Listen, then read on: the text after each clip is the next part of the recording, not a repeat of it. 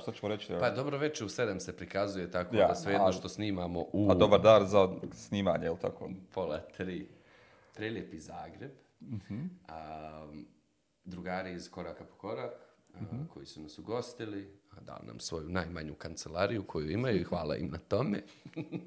Bez imalo zraka, tako da što manje budemo ovdje. Ali ja sam oduševljen i gostoprimstvom i sjajnim ljudima s kojima imamo priliku da prođemo kroz ovu intelektualnu ekskurziju u, u Lijepoj našoj. kolega Namir Ibrahimović. I naravno kolega Redim Krajišnik. Idejni tvorac i o, duhove ovog podcasta. U I Sve ovo zbog Ali da... Sa danas profesorica Snežana Korer i nije prvi put u besjedama. Bili smo u onom Zoom izdanju ovaj, na vezi. Eto, hvala na pozivu. Dobro nam došli. Hvala mi I vi dobrodošli u Zagreb. Bolje vas našli. Jednostavno nisam o, smio da, da pustim namir opet da radi sam sa vama. želio sam da ukradem ovu privilegiju da provedem barem sat vremena sa vama i baš mu hvala što ste odvojili vrijeme. E, molim lijepa, evo, hvala. Mm. Izvolite, gospode Krajišniće. Hoćemo li da, da, da, da, da krenemo? Um, aktivni ste i u Bosni i Hercegovini. A, ne znam, volio bi odavde da krenem. Um, Radili ste mnogo na, na, na, na, konceptima kurikuluma i u Hrvatskoj, svim projektima, aktivnostima, prva, druga, treća faza.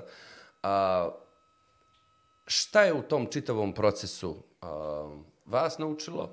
Šta ste očekivali, šta niste dobili, e, šta vas raduje, šta vas ježi u svemu tome? I nekako da probamo da pravimo tu paralelu sa, sa ovim procesom koji se dešava u Bosni i Hercegovini, sa ovim malim, ali vrlo značajnim koracima koje, koje poduzima.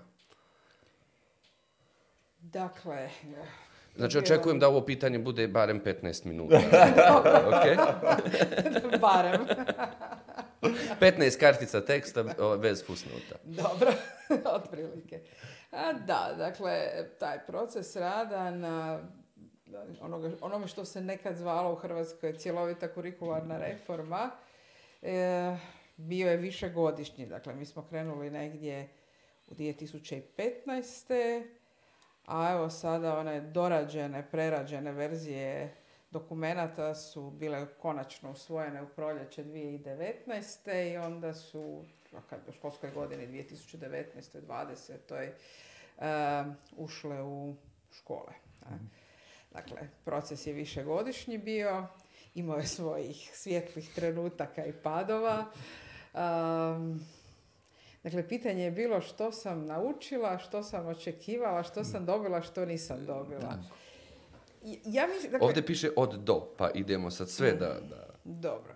Dakle, ja ću to govoriti primarno iz perspektive onoga na čemu sam ja radila, a to je kurikulum povijesti, jer mislim naprosto da nisu svi dokumenti imali niti isti put, niti isti konačni proizvod. mm i tu je povijest je bila jedan od onih predmeta koji su imali zanimljiviji put, da mhm. tako kažem. Trnoviti. Trnoviti, definitivno. Mislim da su tu bili hrvatski jezik i povijest koji su bili ovako na prvoj liniji fronte.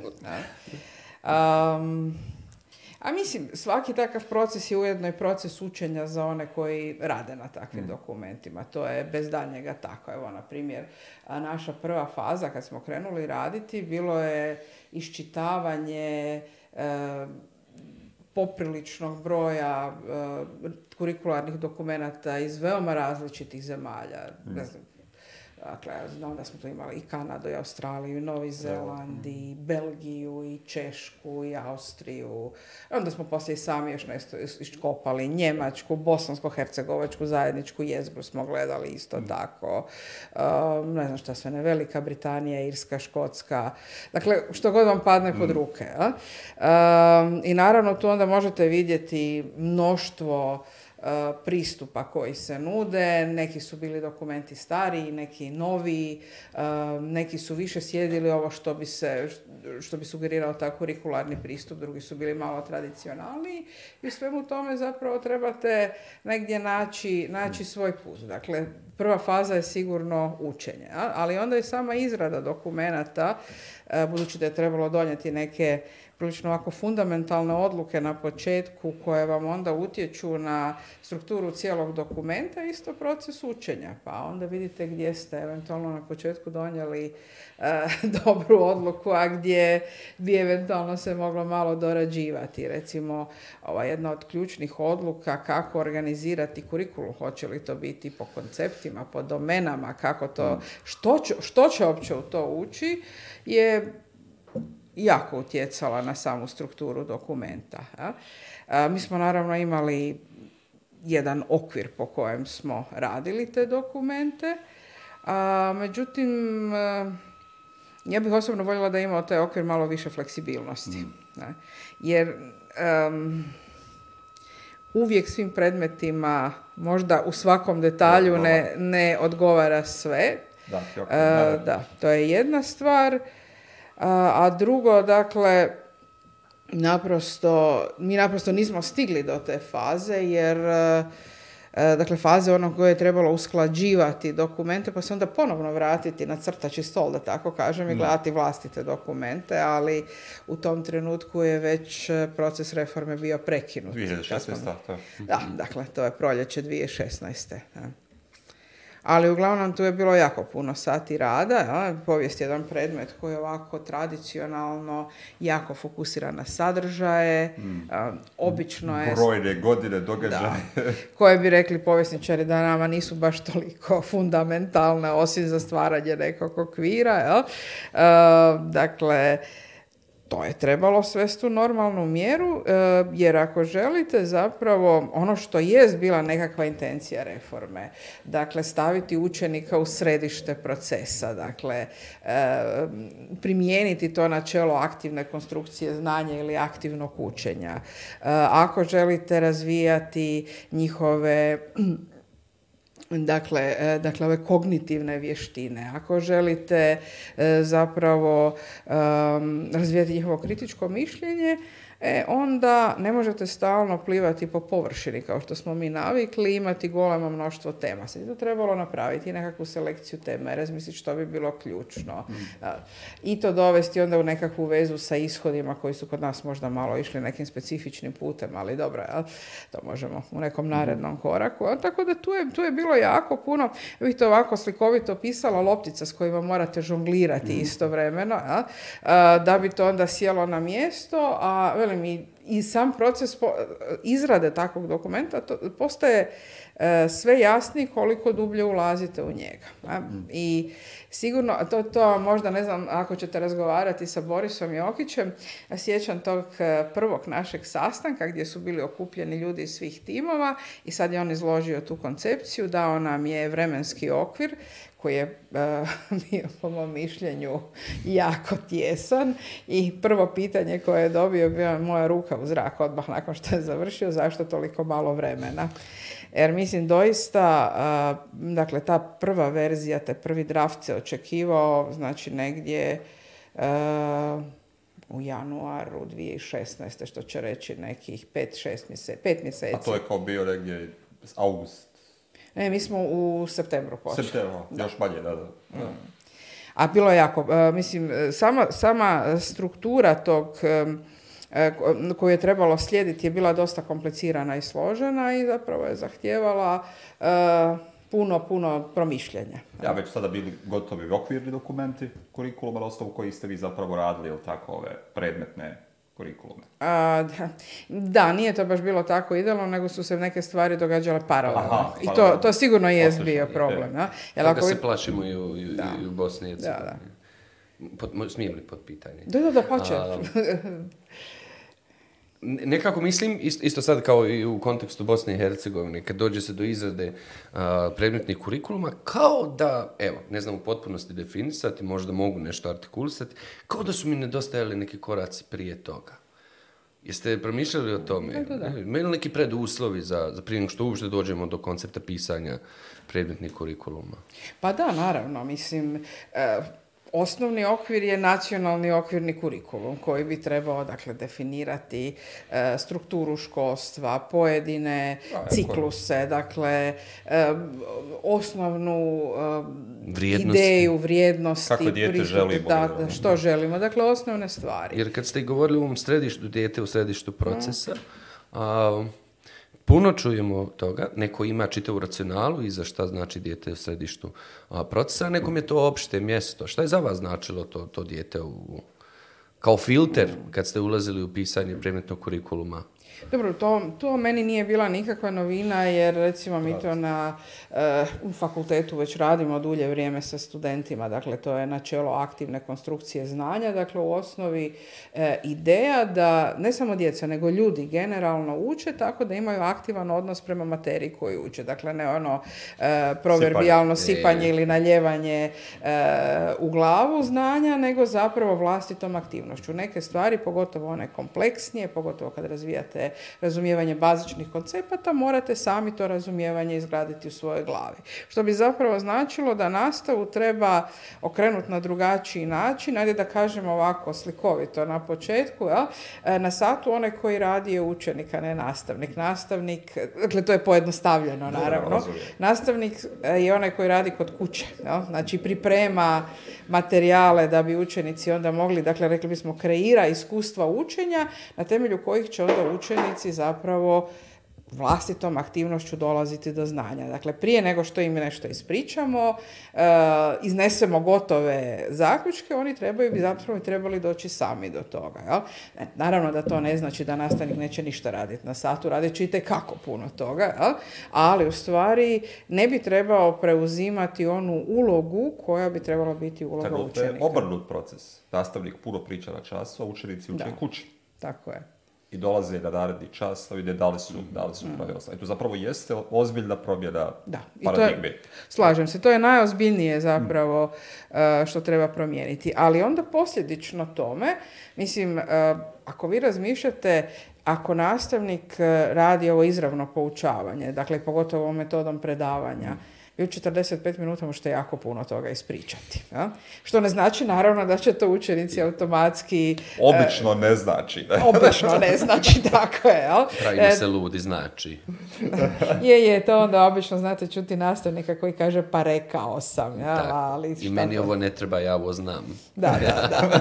A, međutim, to ne znači ako sam ja nešto rekla na nastavi da će to automatski oni koji pohađaju moju nastavu zapravo usvojiti.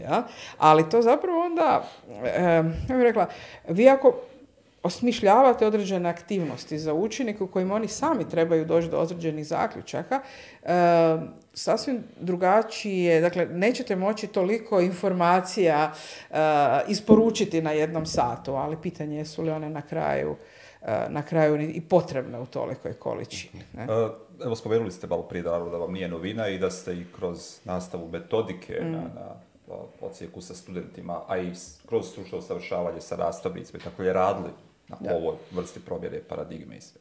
E, je li, evo barem u Hrvatskoj, postoji jedan značajan broj nastavnica ili nastavnika, učitelja, učiteljica povijesti, koji primjenjuju metode koje je zapravo i kurikulum htio da, da donese kao paradigmu ono, obrazovno.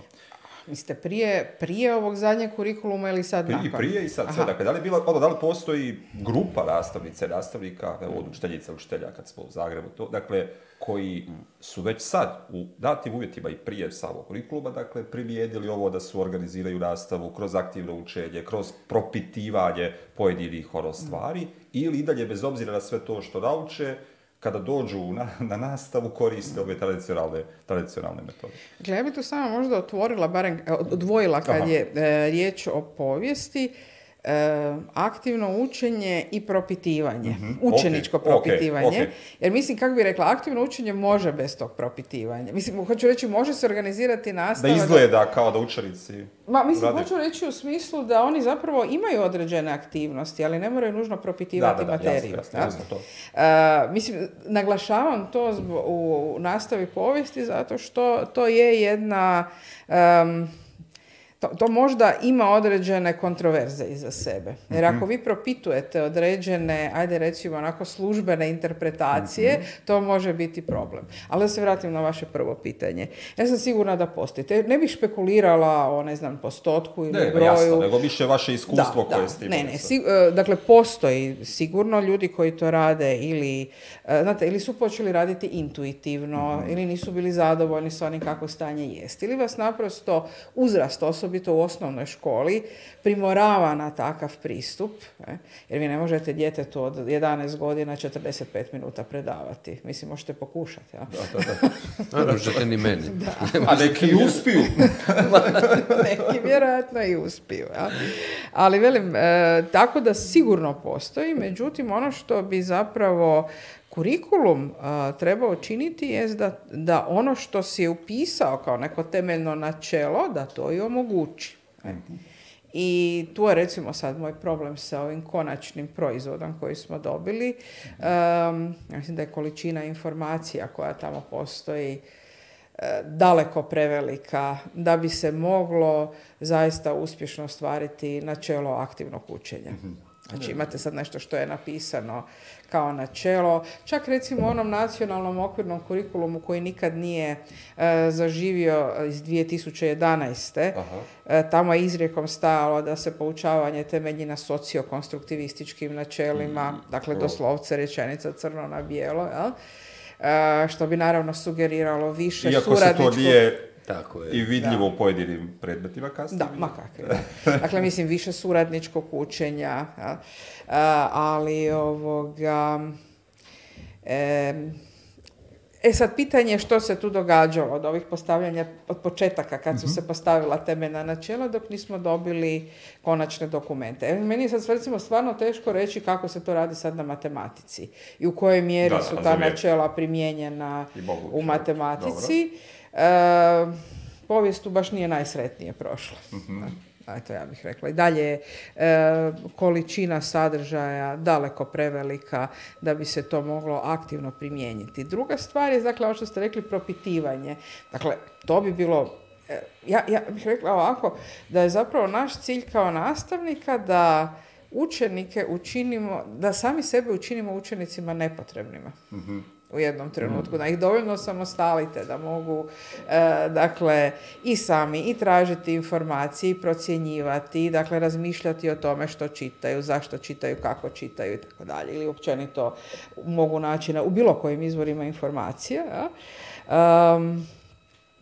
ali ovaj e, da biste zaista razvijali učenika kao nekoga koji je sposoban kritički promišljati oni ne samo da moraju imati određene vještine, nego moraju imati i znanja o materiji. Dakle, to mora biti naprosto tjesno isprepleteno. E, dakle, da biste mogli kritički promišljati o nečemu, ne znam, raditi određene procjene, e, dubinski analizirati materiju, potrebno vam je čak i više ponekad ovog činjeničnog znanja nego što sad oni stječu. Dakle, sad imamo površinu. E, što zapravo, mislim, meni je formula jasna. Ako imate isti broj sati, a želite ovakvu, ovakav pristup, onda vam treba manje tema. I to je, mislim, dakle, ne manje činjenica. Nekad ćete o pojedinoj temi trebati više podataka da možete donijeti procjenu. mi da zakinemo za sve te važne bitne, za važne podatke koji su se dogodili i da im ne serviramo, da se oni suoče sa njima. I tu je zapravo, tu je zapravo onaj mm. ključni problem. Da, tu nastaje, ja bih rekla, kratki spoj. Je, je. E, evo drugi kratki spoj. Mm. A, I najsavršeniji predmetni kurikulum treba neko da iznese. I to je ono vječito pitanje koje, koje nas proganja. Mm. A, neke odgovore imamo. A, kad sam vas pitao u kontekstu ovih preduslova, a, mi sad to promišljamo u, u, u Bosni i Hercegovini, sve i da je najsavršeniji dokument, on dolazi u jedno okruženje u kojem postoji vrlo jasno kultura učenja i poučavanja i poprilično rigidna, Dakle, ne dajem nikakav epitet negativan ili pozitivan, ali on je rigidan de facto. I promjene su najteže u, kad, kad dođemo u učionicu u praksu. Sve drugo bismo i mogli nekako napraviti, ali tu se naj, najmanje te, te, promjene vide. E sada, a, da li, isto pitanje i za, i, i za Hrvatsku, da li je sad tu nastavnik u biti potpuno jedan drugi svijet na koji mora paralelno da se radi sa osnaživanjem, sa promijeniti naučena ponašanja imate nastavnika koji, učitelja koji radi 30 godina i duboko vjeruju, čak imaju racionalu to što, što rade i ne vidi ništa pogrešno nekad u nekim pristupima, metodama i tako dalje. Kako vi promišljate o tome? Pa mislim, doista za, da se iznese kurikularna reforma ključenje nastavnik. Mislim, doista ono, eh, ono što ste i sami rekli, ja se s tim apsolutno slažem. To što imate jedan eh, krasan dokument, to ne znači da će se on na isti način eh, provoditi u nastavi. Mislim, to je na kraju krajeva, to smo i prije reforme vidjeli s udžbenicima. Dakle, kako bi se reklo, onaj nastavnik koji poznaje svoju profesiju dušu, radit će dobro i sa lošim udžbenikom. Da. Mhm. Obrnuto je teže. Teško Da. Da, Obrnuto je teško i malo vjerojatno. A? Dakle, vi zaista možete i sa lošom knjigom izvesti čuda. A? nećete se oslanjati nužno na E sad, dakle, ja to uvijek vidim kao proces proces koji je dugotrajan. Dakle, imamo, imate ljude koji su u nastavničkoj procesiji 30 godina, imate neke koji su 15, imate neke koji su ušli sada tek u profesiju, a? neki od njih će raditi još dosta dugo i u svakom slučaju treba ih osnažiti. Dakle, s jedne strane dokument treba stvoriti uvjete mhm. da oni poučavaju na drugačiji način, a s druge strane sustav u kojem se nalaze e, treba im omogućiti zapravo dati podršku, ja bih mhm. rekla. Dakle, osigurati ono što zovemo profesionalni razvoj. Naravno da nešto od toga oni mogu napraviti sami. A? Danas smo ipak, živimo u takvim vremenima da su vam informacije zaista dostupne e, na klik mišem. Da, e, zapravo, ja u ovom novom kontekstu uopće pitanje treba li nam udžbenik. Vi se jeste bavili i analizom udžbenika postojećih i tako dalje, ali sad kad dođemo u ovoj situaciji, kad zamišljam učionicu koja se organizira tako da učenici rade, Pitanje je li udžbenik zapravo nešto što je u tom trenutku ograničavajuće. Dakle, ako mi ćemo samo reći sad vi uzmite to, ili ako nije, kakav bi udžbenik bio koristan učenicima? Pa mislim da je naš problem zapravo u tome što mi još uvijek promatramo udžbenik kao ono ključno, najvažnije nastavno sredstvo. Već kad bismo ga promatrali kao jedno od. Da. Dakle, da više nema to središnje mjesto. Je li ovdje još uvijek da. je to u zakonu da je obavezan udžbenik za predmet koji se izučava? Da, obavezan je i ja bih rekla da, da zapravo um, nismo napravili taj pomak prema tome da udžbenik postane samo jedno od nastavnih sredstava, nego mi se čak čini da su određenim E, zakonskim rješenjima je još osnažena ta funkcija. Prisustvo užverika. Apsolutno, apsolutno. A onda u nekim predmetima, ako, kao što je povijest, ako definirate udžbenik kao sredstvo za prenošenje mhm. službenih istina, onda znate da... Tu već dolazimo do, drugog problema. Onda dolazimo do drugog, drugog problema. Jer, ono, to je suštinski problem. Ako mi kažemo da dijete treba naučiti da koristi više izvora, da upoređuje, da analizira stvari, ako mu date jednu knjigu kakva god da je, i da to radi na osnovu jedne knjige, to postaje besmisleno. Dakle, osim ako niste u knjizi planski stavili u udžbeniku, dakle niste stavili različite priče, različite tekstove koji govore A jesmo li onda spremni za udžbenike od 700 stranica? za da. To, mislim, to je u osnovi toga, da. dakle, e, Ok, e, ovaj zadnji zakon o udžbenicima je omogućio da udžbenici imaju i te digitalne obrazovne mhm. sadržaje, znači da dio materijala se može plasirati digitalnim mhm. putem a?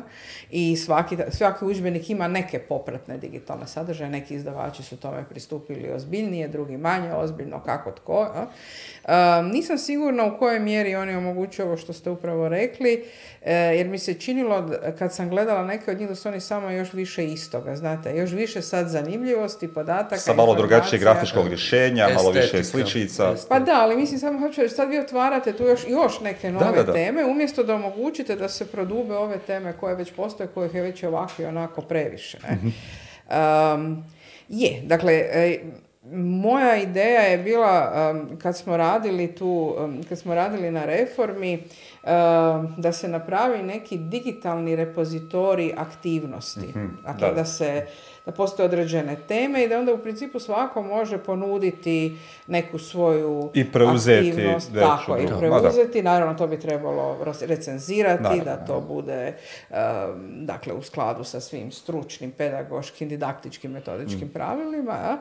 I nužno to ne isključuje udžbenik, ja bih rekla, jer udžbenik olakšava nastavniku da mjere, neke mjere posao, dakle dijete barem ima na jednom mjestu... Ili okvir da, da tako je, da. Ali mislim, e, ja se apsolutno slažem s vama da udžbenik ne može Eh, ispuniti tu svoju funkciju, eh, dakle ako vi želite da on uspoređuje različite izvore, različite eh, prikaze određenih događaja, ali recimo zamisli situaciju u kojoj bi nastavnik uzeo tri različita udžbenika pa gledao kako je u njemu prikazan isti događaj. Da, da, da. Eto, ali to je već recimo nešto što sad može ona malo vješti nastavnik i sam napraviti bez obzira mm. na to koje materijale I radi, da. I radi, ali evo, da budemo pošteni prema kolegama koji rade u školama, to je onda jako puno posla. I kad vi sad imate, e, ne znam, desetak razreda koje imate, e, četiri, pet, šest, neki više različitih programa. Jeste, obično, pošto je manji fond sati, predaju u većini odjeljenja u školi. Da tako je.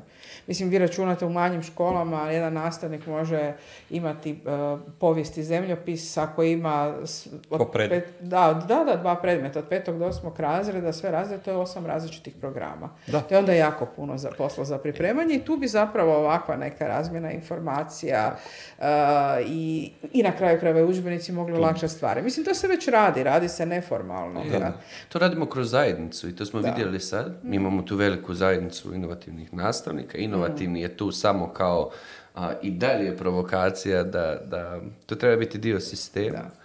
Ali u nam se u pandemiji pokazalo da, ovaj koncept evo, koji koketira sa stručnim usavršavanjem, a, profesionalne razmjene koji izlazi iz mm. kulture zatvorenih učionica je otvorio potpuno novi pogled na, na, na, na to kako, kako oni svaki mm. dan rade, da su otkrili da postoje mnogi divni ljudi koji stvaraju nevjerojatne prakse, a, pristupe od koje oni mogu krasti, a, nuditi i mi smo imali beskrajne razmjene, hiljade i hiljade Absolutno. edukatora sa prostora ovog našeg govornog područja kojima a na kraju ono što smo dobijali, neke ključne, ključne riječi, da, da je ovo potpuno njima promijenilo pogled. Mm, mm, Ali to je kulturo, gotovo kulturološka promjena zatvorene učionice u nešto što dijelite sa ostacima. Ali neću vas pustiti, izvini, možda, da mi samo završite šta ćemo sa nastavnicima. Aha. Namir ima tu, tu jednu sjajnu tezu koju govori ne partikularizmima, oni su samo onako svjetionik nade i neka daju iluziju da čitav sistem funkcioniše, odnosno da čitava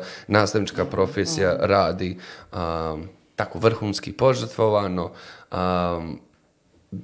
i, ovo je njegova teza, mene interesuje sistem i mene interesuje mhm. sistem. Stvarno da ne ovisi o entuzijazmu, volji nekog nastavnika hoće li i, ili neće. Kako promišljate to?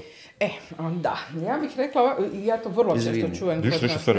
E, čujem kad se raspravlja kod nas o tome kako ćete oblikovati kurikulum i vrlo često čujete, što bih ja rekla da je pocijenjivački prema nastavnicima, ali oni to ne znaju kako će napraviti, zato trebamo spustiti kriterije očekivanja. E, dakle, velim, iz starta se polazi od toga da jedan velik dio ljudi to neće moći napraviti. Ako imate niska očekivanja, onda ćete malo i dobiti. Meni se čini da treba zapravo, eh, što naravno nije jednostavno, ja sad nemam gotov recept za to, ali treba napraviti takav dokument koji će ostaviti prostora onima koji mogu i znaju, da se razvijaju i mhm. cvjetaju. Onima koji eh, su spremni uložiti, raditi, usavršavati se i tako dalje, dati podršku. A jedan postotak ste svjesni da možda to i neće moći iznijeti, a onda njima nekako ponuditi gotova rješenja koja će moći primijeniti u nastavi. E, da? to govorimo onda i o tipi kurikuluma. jer e sad ovo vodi se rasprava, ili to sad otvoreni kurikulum, postoji cilj, i i profesionalna zna kako će doći do, do, do, do konačnog a da li to znači sad da mi moramo imati različite nivoje kurikuluma ili to prate neki kompendijum i ovo što ste govorili? Ne različite nivoje, to ne možemo imati zbog djece. Jer djeca moraju, e, trebala bi barem približno jednaka znanja i vještine steći, ali ovoga, treba, treba pružati podršku u obliku dodatnih materijala. Dakle, naši su svi kurikulum, vidjela sam i ovo što je rađeno u Bosni i Hercegovini, u Hrvatskoj, golemi su dokumenti. Kad se krene od nekakve polazišne ideje da bi to trebao biti dokument koji je pristupačan i učenicima i roditeljima, to apsolutno ne vidim. Nitko neće čitati. Naši su još i objavljeni u službenom, u službenom listu, narodnim novinama, imaju vrlo, ono, neprivlačan format, znate to. nešto malo. Sitna slova, loše prelomljeno, ništa tu nema što bi recimo nekoga uopće privuklo da to otvori u ruke. ja mislim da, da, da smo možda to mogli postići da smo držali nekakav bazični dokument, kratak i jasan, a onda to po, e, poduprijeti sa masom popratnih dokumenata koji su onda namijenjeni nastavniku. Dakle, jedan dokument za sve, a nastavnicima sve ono što je potrebno sa strane. Ali ste, sami ste navodili primjer ovog britanskog kurikuluma razvoja njegovog s početka 90-ih mhm. ono što imamo sada, dakle to smanjivanje. Dakle, nije, nije ono kad na početku kad se radi ili ovdje, dakle, upravo je to veza sa onim prethodnim, želi se sve staviti što jeste i da. plus se dodati nešto novo i onda zapravo postepeno kako dobijate iskustva i ljude i mijenjate praksu, to zapravo dolazi, dolazi do nekog... Na par Da, da, dolazi do... Jer ljudi znaju, većina zna šta radi da, u tom nekom trenutku i mogu da se, mogu da se bavim finesama. E sad, ono što je meni važno i to je ono što sam htio, to kad imate dva voditelja pa se pa vas malo vraća jedan drugi na neku drugu ne, priču. Ovaj, pitanje udžbenika ili kulture udžbenika na ovim prostorima. Ja mislim da, je, da su udžbenici važniji od nastavnog plana i programa za rad nastavnika. Odnosno zapravo da su udžbenici nešto na osnovu čega mi određujemo šta i kako radimo, rijetko koji nastavnik je i gledao kakav god da je nastavni plan i program šta želi postići, jer se podrazumijeva da sve što je u nastavnom planu i programu od sadržaja koji su navedeni se nalazi i unutar samog udžbenika. Bavili ste se dugo istraživanjem udžbenika, pisali ste i, udžbenike iz povijesti. šta, su nama udžbenici zapravo donijeli u obrazovnom sistemu? Generalno? Evo ja moram reći da sam ja sad već bivši autor udžbenika. da, vas više, e, i da to kažem sa posebnim... o smrću? ne, ne, ne, ne, ne, čak ne, ni to. Da kažem sa posebnim zadovoljstvom jer je to stvarno postao teret. E, postalo je teret zbog nerazumnih rokova. E, imate osjećaj da, da kod nas obrazovne vlasti doista misle da se udžbenici mogu napraviti preko noći, pa vam onda ostave recimo već, veći Eh, rok za recenziranje nego za pisanje udžbenika. Šta se tu, to se sede napiše, se da, svako autor na brzinu Ako sve. Nije mi poticaja niti ovaj novi kurikulum, tako da, evo, velim. Znači niste trenutna autorica udžbenika? E, nisam na moje, na moje veliko zadovoljstvo. E sad ovako, dakle, e, nije tu, e, ne treba ih uvijek gledati negativno. Mhm. Dakle, oni mogu poslužiti kao e, sredstvo za e, unapređivanje nastave. Oni su meni, da su ono važniji dokument u našem dosadašnjem obrazovnom sistemu nego nastavni plan i program. Pa, mislim, ja mogu reći evo neka svoja iskustva da sam, da znam da su recimo naročito u srednjim školama kolege zapravo radili i osmišljavali svoju nastavu po udžbenicima da nisu znali opće za svoj vlastiti nastavni plan i program. Da. E, tako da, e, mislim, ima tu razne, kako rekla, razne su dimenzije mhm. problema kad tu govorimo, a? E, kad govorimo o tome. Dakle, ako se držite doslovce udžbenika, tu, tu može biti različitih problema. Prvo, najčešće u udžbenicima ima puno više onoga nego što piše u samom dokumentu. Mhm. E, ako je nekome mjerilo da dijete treba znati ono što piše u udžbeniku, onda smo svi u nevolji. A pogotovo dijete. A? E, jedno kreativno korištenje udžbenika u kojem vi kao nastavnik birate što ćete iz udžbenika odabrati je već sasvim drugi, mhm. e, drugi par rukava, drugačije načela. E? ali ja bih rekla da su u jednom trenutku kod nas udžbenici čak i imali ulogu e, jednog motora koji je pokretao inovacije. To je bilo jedno relativno kratko razdoblje e, između otprilike tamo 96. i negdje 2004. Mhm. E, naime, tu dijelimo naime zajedničku tradiciju i Hrvatska i Bosna i Hercegovina kao i sve zemlje bivše Jugoslavije, da smo mi dugo, dugo vremena imali jedan udžbenik za svaki razred. Dakle, ono, jedan plan, jedan udžbenik, mhm po predmetu, da, da. tako je. Znači imate uh, nastavni plan i program koji donosi ministarstvo, imate državnu izdavačku kuću, imate udžbenik. Mhm. Uh, dakle, u Hrvatskoj je 96. na 97. uvedena mogućnost uh, da, da postoji više udžbenika za po, po razredu. Nije to odmah bilo idealno, ali negdje recimo tamo iza 97. 98. pa do 2004. bilo jedno razdoblje u kojem u kojem zapravo ste mogli kroz udžbenike gurati različite inovacije. Mhm. Nije se to naravno dogodilo u svim udžbenicima, nije to uvijek bilo niti, dakle, taj gotovo pa slobodni pristup E, pisanju udžbenika gdje su izdavači imali, ne znam, po dva udžbenika za osmi razred, isti izdavač. E. Sam sebi konkurencija. Da, da, da, i računate na ovakav i onakav dio. Dakle, e, dakle... je birao škole, nastavnice? Birali su svaki nastavnik pojedinačno, pa su se, ne znam, često mijenjali udžbenici. To su bile one dječje bolesti mhm. ovakvog Liberalizma. Da, tako je. A, ovoga, ali vremeno to znači da ste vi mogli zaista gurati udžbenike koji su imali značajne didaktičke inovacije. Mhm. to je kod nas zapravo neću reći baš presječeno, ali bitno reducirano. Nakon što su se tamo negdje iza 2004. počeli donositi restriktivni zakoni o udžbenicima i onda recimo više nije mogao svaki nastavnik birati um, birat svoje udžbenike, nego se moraju barem na nivou škole dogovarati. Evo recimo ja sam jednom prilikom, tad sam još radila u školi, radila u dva peta razreda po dva različita udžbenika i to je bio moj vlastiti izbor kojim sam naravno sebi zakomplicirala život, ali sam procijenila da će jednom razredu bolje odgovarati jedan, a drugom drugi udžbenik. ja Mislim, ok, razumijem i argumente za, za ovo da ne bi bilo, mislim, znate da nije loše da ipak postoji nekakva koordinacija, ali to je sve zapravo pozicija u kojoj vam je opet udžbenik centralno hmm. nastavno sredstvo. I hmm. mislim da zato, zato toliko eh, toliko prijepora oko njih. Da, praktički da nismo niti ušli u sve ove, ova pitanja oko eh, preispitivanja kako ste opisali ovo ili interpretirali ono. Mm. Ne? Da vas u nekom paralelnom univerzumu a, jedno ministarstvo BiH, pritom ne tvrdim da mora biti centralizovano, ovo opaska, mm. sam ne stojim za svoje stavo, a da napišete užbenik povijesti za, za, za Bosnu i Hercegovinu, jedan, da li biste se prihvatili tog zadatka?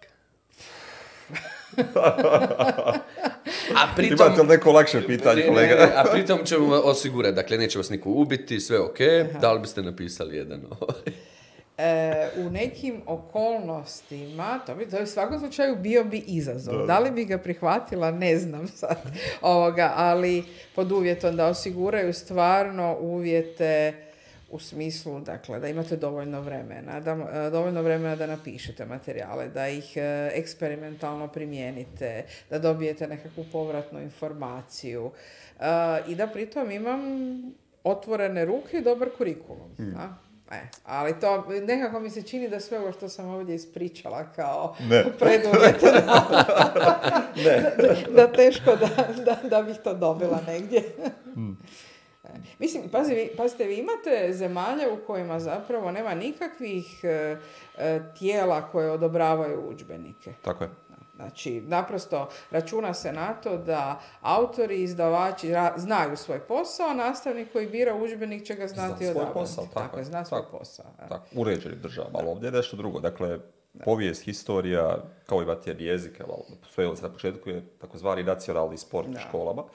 I misli se da su to predmeti preko kojeg se gradi nešto, nacija ili ta vrsta identiteta i tako dalje. I onda ono vrlo često stoji, e, stoji ili u dostavnim planovima i programima ili u samom izraz promicanje mhm. nacionalnog identiteta. Dakle, ne ovo propitivanje, ne uzimanje, nego dakle doslovno morate reći naše, pozitivno, najbolje, ono tamo ne valja bolje od nečega drugoga i tako dalje. Dakle, tu je ono, ono što, je, što je zapravo nedivo pitanje vezano za BiH, dakle u državi u kojoj imamo ovaj mm. famozni konstitut, konstitutivne narode. Volim kad interpretira moja pitanja, obožavam. Tako je. Ovaj, dakle, e, kako uopće koristiti nastavu historije ili povijesti u takvim školama? Jel to zapravo bi bolje bilo da istorije takve kakve jeste nema. i nema u školama, ili, je, ili je, je lakše to uraditi, ili je lakše promijeniti sam narativ nastave historije u školama pitanje je tko ga je voljan promijeniti. Mislim, znate, tako da ovoga, dakle, god vi imate, mislim, ovako, dakle, ta ideja o historiji, materinjem jeziku, zemljopisu i tako dalje, kao e, grupi nacionalnih predmeta nije nova. Ja ju nalazim u dokumentima od kraja 19. stoljeća mhm. nadalje. Postojala je, ako hoćete, u Kraljevini Jugoslaviji, postojala je u socijalističkoj Jugoslaviji i ista skupina predmeta je bila skupina nacionalnih predmeta. I uvijek je ideologije mijenjala u svojim... Da, da. Mislim, samo je pitanje kad govorite o nacionalnoj državi, o kojoj državi je riječ. Mislim, s tim da recimo konkretno u socijalističkoj Jugoslaviji pod nacionalnom povješću se smatrala povijest vlastite republike. dakle, ne cijela, ali se učilo i o drugima dakle, velim, ta sintagma postoji cijelo vrijeme. Ja bih rekla da je to jedna vrsta džavolje pogodbe. To nam čuva mjesto predmeta u kurikulumu. Mhm. Jer evo, danas sam baš razgovarala s kolegicom iz Velike Britanije gdje je recimo satnica za povijest e, srezana enormno. Mislim, ona uopće, dakle, ne može vjerovati koliko mi imamo još uvijek e, sati za nastavu povijesti. Ali kako ti Britanci će izgubiti svoj identitet? Tako je potpunosti. Ostaće isprazni od identiteta. Da, da. Ovoga, ima, drugih načina. Da, da, ali velim, e, što se tiče broja sati, mi smo tu još u jako dobrom položaju. A kad kažem mi, mislim, mislim da čak i sad i u, u Bosni i Hercegovini to isto. Jedan, jedan sat manje. Ovdje je po dva, Aha. a u BiH u jednom je jedan. Dakle, 2-2 i 2 i 1. 1 u zadnjem. 7 je u, Da, ali to je još uvijek jako dobro. Eh, evo, kolegica mi je baš danas rekla da eh, eh, recimo učenici u dobi od 11 do 16 godina mogu u Velikoj Britaniji, ono što im je zagarantirano su dvije godine učenja povijesti. Mm. Po jedan sat jedno. Mhm, hmm to je znatno manje. Znatno manje.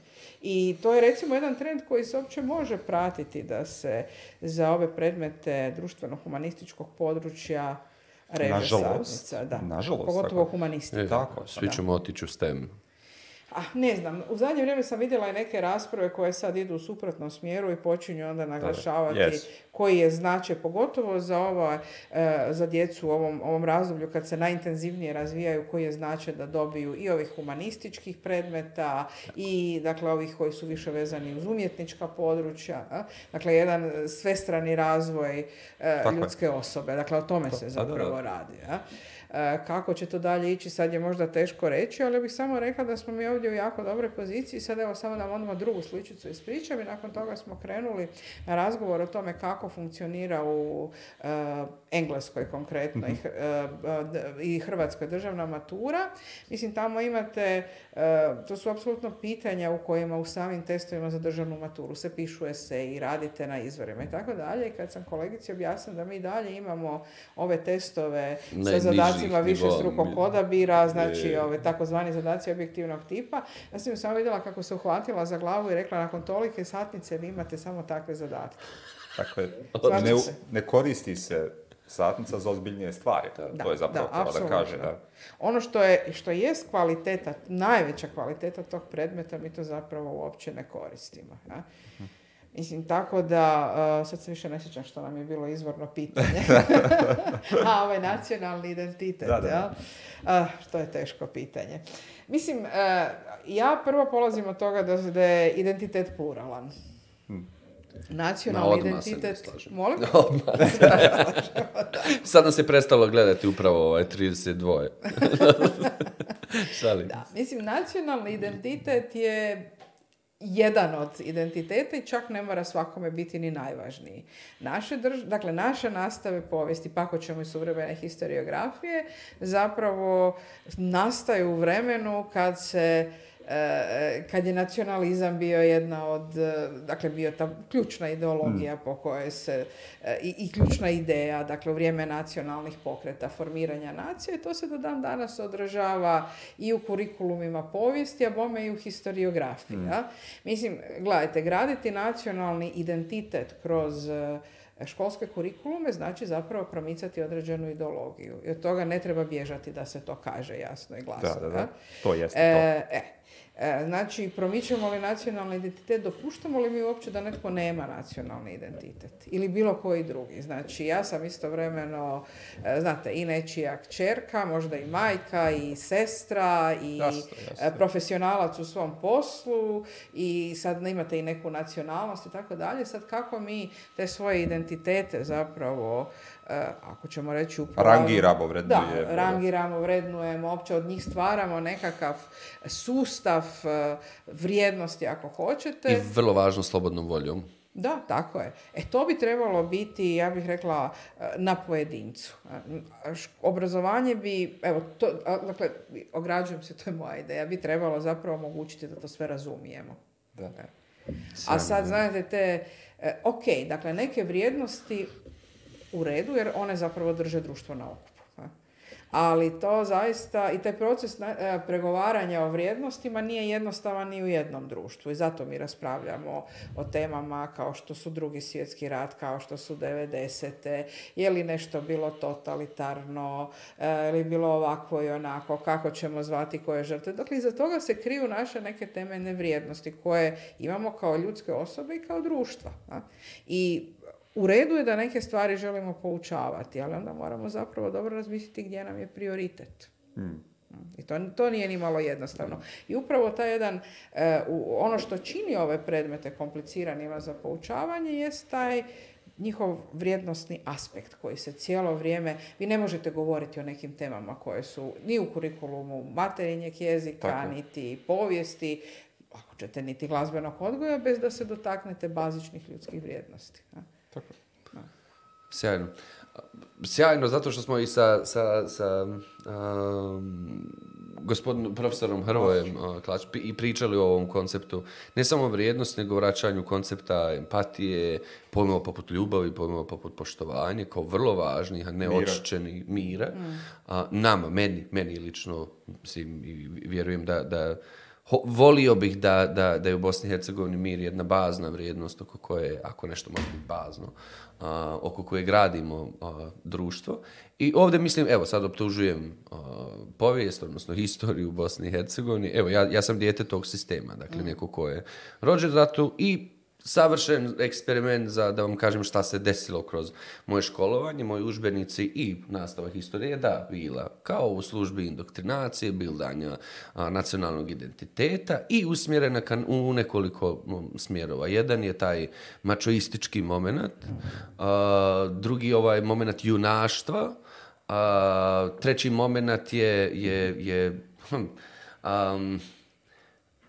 sigurnosni aspekt bez mira u, u, u njemu. I dakle, neko ko je odgajan tako, odgajan i obrazovan tako, jako me boli treba im mnogo energije, mnogo i kognitivnih, kognitivnih vještina da se izmaknem iz toga, da tražim ove duboke strukture u, u historiji poput uzroka, posljedica, da, da, da, da stvarno se empatišem sa stotinama hiljada žrtava, a ne navodim ih kao statistički broj, jer mi u tom kontekstu ništa, ništa ne znači, ne proizvode mi nikakvu emociju, da bismo došli do toga da je ista takva, evo, djelimično historija odgojila mlade ljude koji relativiziraju mir i vrlo su voljni da, da opravdavaju nasilje kao jedan sasvim normalan nalaz za uspostavljanje koncepta moći, a pa čak i evo sad u odnosu to slušamo od svojih vršnjaka u rusko-ukrajinskim a, ovom ratu, što on to je. Evo, volio bi to da, da, da čujem s vaše strane. Da, e, treba recimo pogledati za početak e, koliko u našim udžbenicima, ne samo udžbenicima, nego generalno i u kurikulumu, koliko se uči o ratu. A e, onda pitanje je s kojim ciljem. Um, ja sam listala nedavno ove nove udžbenike povijesti i sad vi imate, imate jednu temu koja se bavi e, ratnom ekonomijom i gledam dvije stranice E, sa slikama oružja proizvedenog u ratu. Da.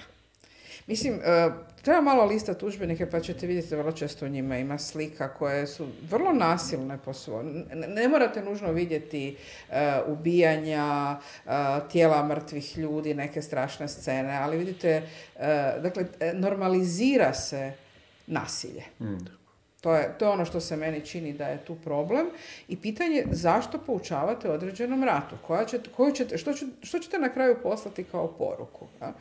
E, od, dakle, od slikovnog materijala, od vokabulara koji koristite, mm.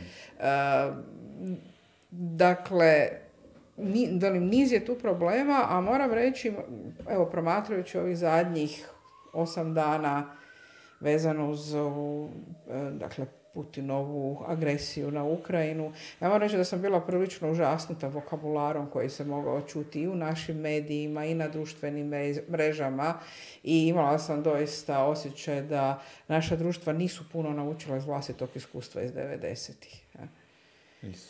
Da. Tako da ovaj...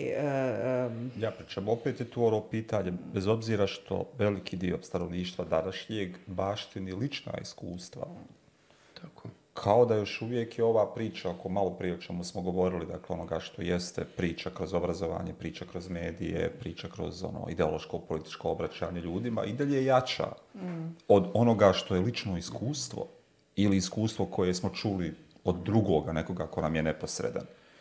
A ne znam, mislim, što se tiče nastave povijesti, onda često, vrlo često ima veze s time Dakle, prvo svi ti naše, naše pripovijesti u, u kurikulumima i udžbenicima su teleološke, dakle vode jednom krajnjem cilju. Na tom krajnjem cilju je obično sadašnjost, dakle mm. sadašnja država. Ali onda, kao što ste sami rekli na početku, o njoj samo sve najbolje. Tu nema nekog kritičkog odmaka. E, i sad recimo vi imate meni jedan fenomen koji ovako kao nekome koji istražuje te stvari mi je vrlo zanimljivo promatrati, ali kad e, razmišljam koja je, e, kakva je to funkcija toga u društvu, onda, onda mi je puno manje zabavno. Dakle, mi smo u jednom trenutku ipak osvijestili da način na koji se nekad u socijalističkoj Jugoslaviji prikazivao nobe da nije bio dobar. Da dakle, e, da masa priča, dakle, e, masa podataka o ofenzivama, o junaštvu, o, dakle, e, zapravo veličanju rata kao sredstvo za rješavanje nekih problema, dakle, nasilje, dakle, da nije dobro.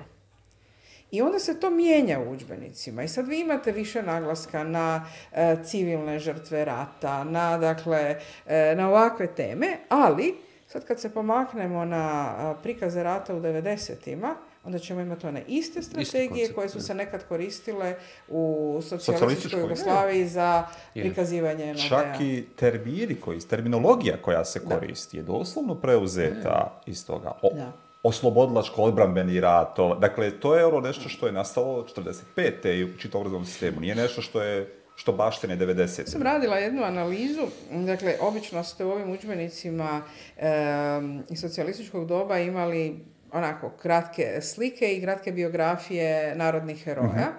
E, sad su se u nekim udžbenicima bile pojavile, doduše to je bila ova prethodna generacija, ne sad u ovoj najnovije, to tek treba, treba vidjeti kakvi mhm. su e, efekti bili. Bili su e, slike junaka domovinskog rata. Dakle, to je doslovce isti obrazac. Dakle, to je priča koja počinje sa trenutkom kad ta osoba u, dolazi u rat. Vi ne znate ništa o njemu prije i čak isti vokabular, čast, slava, junaštvo, poginuti za domovinu. Dakle, u toj biografiji je samo ključno da ste u jednom trenutku dali onu ultimativnu žrtvu, dakle svoj život za domovinu. Dakle, to je doslovce, doslovce isti obrazac koji mora da tu negdje nesvjesno postoji u mm. glavama.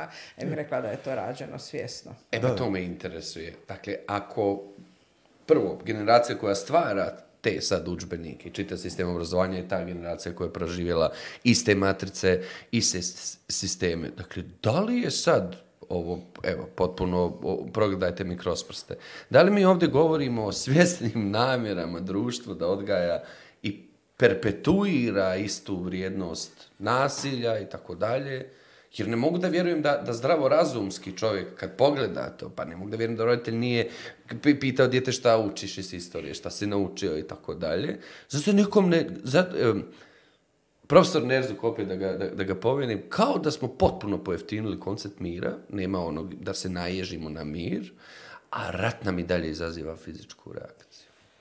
A mislim da, mislim da vam je to, znate, ipak jedan kompleksan proces. E, znači, u društvu se naprosto stvore u danom trenutku neki uvjeti koji diktiraju e, da, e, da taj prikaz u užbenicima bude ovakav ili onakav. Hmm. Evo, mislim, kod nas je, recimo, bilo možda lakše napisati ove, dakle, prikaze razdoblja nakon 90. prije 15 godina nego danas. Tad smo manje znali, ali nije bio takav pritisak da zapravo morate e, točno prenositi određenu, e, e na određeni način, sa, određenim vokabularom, mhm. e, dakle određenu interpretaciju. A sad je taj pritisak poprilično snažan, i sad kad se recimo sjetite svega onoga što se događalo 2013. nadalje u Hrvatskoj, pa mhm. čak i možda i prije, dakle od e, e, dakle, e, sudskih postupaka na Haškom tribunalu, preko recimo ovog ponovnog povratka nacionalizma nakon Hrvatskog ulaska u Europsku uniju, dakle ako se sjetite ovih protesta branitelja, dakle šatora u Savskoj koji je godinu dana postojao, kako je to sve povezano sa konkretnom političkom situacijom, pa se pitate tko je kome dao kakva obećanja. Jel? Ali je žalosno zapravo ono što se meni čini da je, da je tu zapravo najveći problem, da su u našim društvima E, oni koji zapravo imaju možda da stvore uvjete da stvari se e, da kažem pacificiraju, to ne rade. E, opet jedna sličica, 2000 to je bilo četvrte na petu, radili smo program za osnovnu školu, to je bio najfamoznih nos. mm I tada, tada je jedna od najvećih debata unutar povjerenstva bila o drugom svjetskom ratu. Da? i tada je predsjednik povjerenstva rekao e, nećemo sada se tu baviti e, didaktikom i metodikom, to ćemo napraviti za pet godina, mi sad trebamo srediti... E, Ideje, šta zapravo hoćemo reći? Ma da, zapravo trebamo, trebamo se dogovoriti oko interpretacija, oko činjenica, o toga kako ćemo prikazati nešto. Sad, kad se radi o ovaj novi kurikulum, gotovo istu stvar je izrekao čovjek koji je bio posebni izaslanik premijera Plenkovića. Mm. Znači, u tom razdoblju govorimo o nekih 15 godina što, što je zapravo politika napravila da pacificira tu situaciju, da stvori uvjete gdje možemo na jedan normalan način razgovarati o ovim teškim i osjetljivim temama u razredu. Da. Mislim, one govorite o masovnim ljudskim stradanjima, one će same po sebi biti teške za poučavanje. Bez ovog dodatnog tereta koji nam stalno dolazi izvana. I nije ni čudo da mnogi nastavnici povijesti kažu da je povijest najteži predmet za poučavanje u ovom našem kontekstu, a mogao bi biti nešto sasvim drugo. Da, e, to je ono što me zanima. Da. Kako bi bila idealna nastava povijesti obrazovnog sistemu i odnosno kakav bi obrazovni sistem trebao biti u kojem bismo imali drugačiju, drugačiji predmet povijesti ili teme iz povijesti, evo da ne, da ne idem čak ni predmet, da idemo na, da se sjetimo Britanaca. A nije ni od njih više tako idealno, jer je klatno se i kod njih zanjihalo malo u drugom mhm. smjeru, u smislu da e, se traži puno više sadržaja i tako dalje, ali mhm. e, to se još uvijek, meni se čini nije tako kao kod nas. Mislim, ja bih generalno rekla, ne samo za povijest, nego za bili koji predmet, ja bih voljela nastavu koja će e, učenicima nastava biti veselje. Mhm gdje ćete vi učiti sa nekim, nekim entuzijazmom, gdje ćete imati teme i pitanja koja će vas provocirati na razmišljanje, na traženje. To učenici kako mogu i vole. Samo ako im dadete dovoljno e, intrigantnu stvar koju će onda oni, ne znam, i sami istraživati i raspravljati u tome. Kad ih dovedete u situaciju da oni o nečemu moraju reći e, svoje mišljenje, da donesu određene procjene. A? Dakle, u dobroj mjeri suprotno onome što imamo sad, gdje se od njih traži da memoriraju i reproduciraju. Mm. Znači, mislim, e, e, kako bih rekla, povijest je predmet koji govori o ljudima. I kao takav zapravo, e, ako gledate opet u ovom idealnom smislu, ne može biti nezanimljiv. A zapravo smo ga doveli na to da, da ga mnogi ljudi percipiraju kao najgori predmet u u školi. A to je upravo iz ovoga. Ogromna količina informacija u kratkom vremenu koja mora biti zapamćena. I koja još vrlo često nije e, prilagođena uzrastu učenika. Da, da. Jer naprosto dijete u neke stvari može u danom trenutku, u drugom neće moći. hoćeš dok su mlađi, ne, evo baš je nedavno smo imali nekakvu raspravu u Facebook grupi e, gdje se od djeteta u petom razredu traži da e, objasni razlike između Solonove i Klistenove reforme i usporedi sa današnjom demokracijom u Hrvatskoj. A zašto ne može? Visoka očekivanja, malo prije ste rekli, kao i od nastavnika i od djece. da, Izvolite. Visoka očekivanja, ja? ali pante o tome da se ovdje generalno radi o jednom e, konceptu koji je kompleksan i koji zahtjeva razumijevanje drugih kompleksnih koncepata koje naprosto dijete u tom trenutku još ne zna i tu je, mm. to je vrlo jednostavno objašnjenje zašto je to njima komplicirano. Oni će to možda naučiti na pamet, ali stvarno razumijevanje toga, mislim, to, je, to se onda je onda učenje za test. I to, to nema nikakvog smisla. Ali recimo ja se, ja se sjećam, to jedna e, sa svojim učenicima sam radila, e, dala sam im izvore koji različito govore o tome je li e, Tomislav bio knez ili kralj. I to je njih eto zaintrigiralo. kao jutro smo ga E da, jer stalno zapravo su slušali. Da, slušaju jednu ovoga vrstu interpretacija i uglavnom nismo oni uvijek sretni kad im zapravo ne dajete jednu priču. Da, e, onda, onda, onda zapravo neki budu jako nezadovoljni da im ne dajete točan odgovor, ali neke je to dovoljno zaintrigiralo da poslije e, sljedeće godine, godine iza toga kad bismo dolazili u neki muzej ili ne, e, pogledate neku izložbu da su uvijek tamo pisali vodiče i pitali vodiče i kustose, a što vi mislite tko je bio prvi hrvatski kralj? Mislim, hoću reći, ostalo je s njima dvije godine nakon što smo to radili e, u razredu, ali zato što ih je to nešto za, u danom trenutku je bilo neki okidač za pa, neko drugačije razmišljanje. Zamislite to, dakle, sada sad čitav niz mitova, ne samo u, u historiji, nego bilo gdje djeca razotkriju. Tako.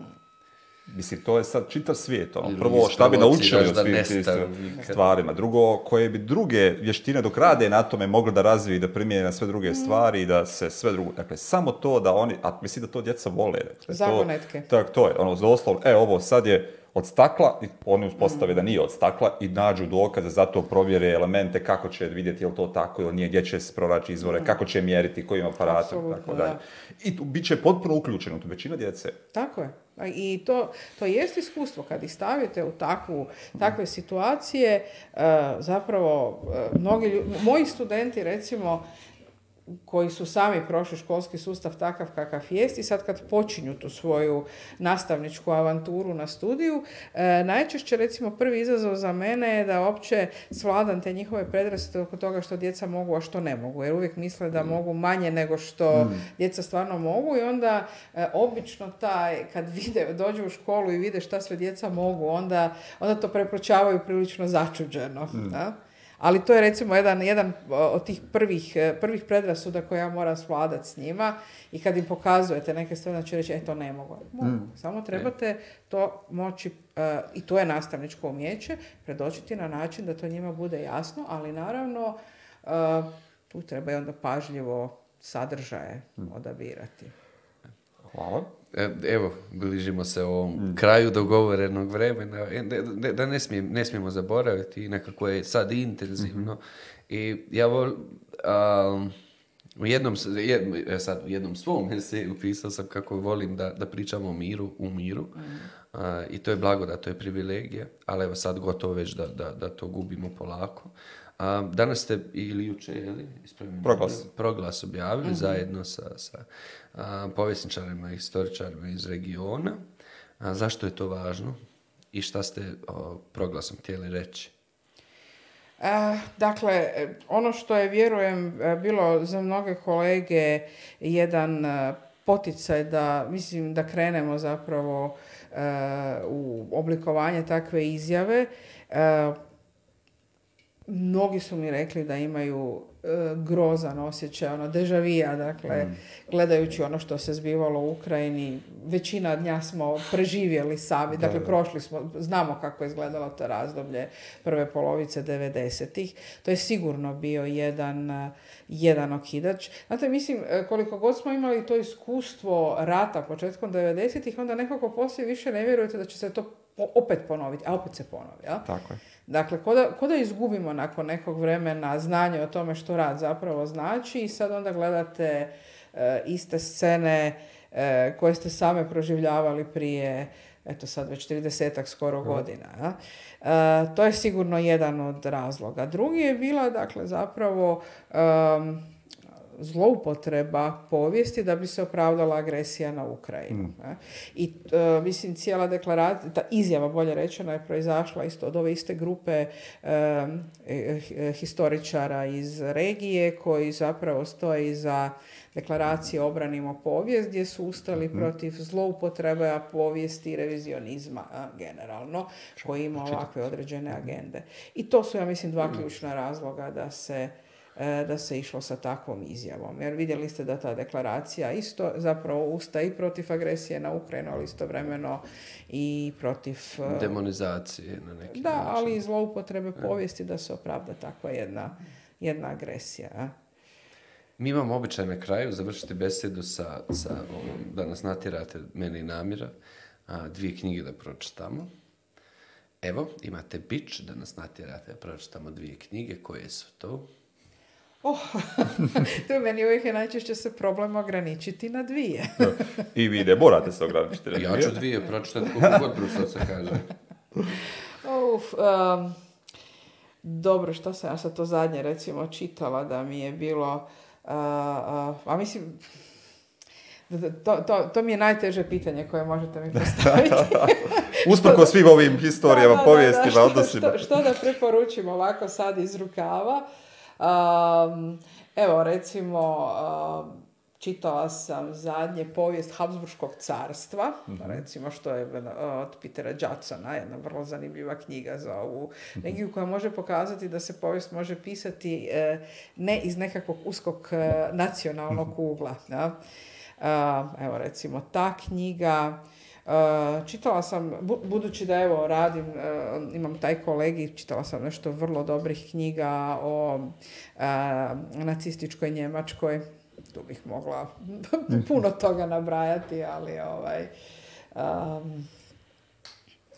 dosta, dosta tu toga ima, tu ima baš jako kvalitetne kvalitetna mm literatura, ali evo možda u skladu, u, u, e, kao nastavak ovoga što smo sad pričali o upotrebi, zloupotrebi povijesti, e, jest i ova e, The Death of Democracy, smrt mhm. demokracije.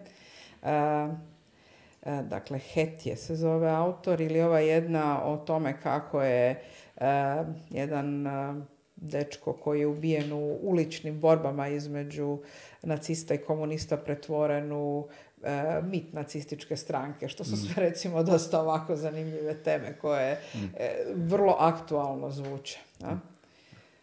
Ali evo sad, e, mislim da će vam biti dosta za sad. Hvala. Hvala vam puno što ste izvojili vrijeme i to ste nas ugostili u, studiju u i što ste bili sa nama ovih nekih šestdesetak minuta i nadamo se da nije posljednji put da ćemo se vidjeti još, da će podcast, to da počnemo kažemo, da će podcast još trajati, da vas vidimo. I hvala vam evo što, što isto dajete do, na nesebičan doprinos da sistemi obrazovanja u BH a, budu bolji. Eto, to. Eto, hvala, hvala. vama što ste me pozvali u emisiju, a isto tako ovoga, Uh, taj moj angažman u Bosni i Hercegovini nekako mi dođe prirodno s obzirom na sve naše veze mm. kroz povijest. Mm. Eto. Hvala puno. i vama što ste razgledali i ove srijede. One srijede. One srijede.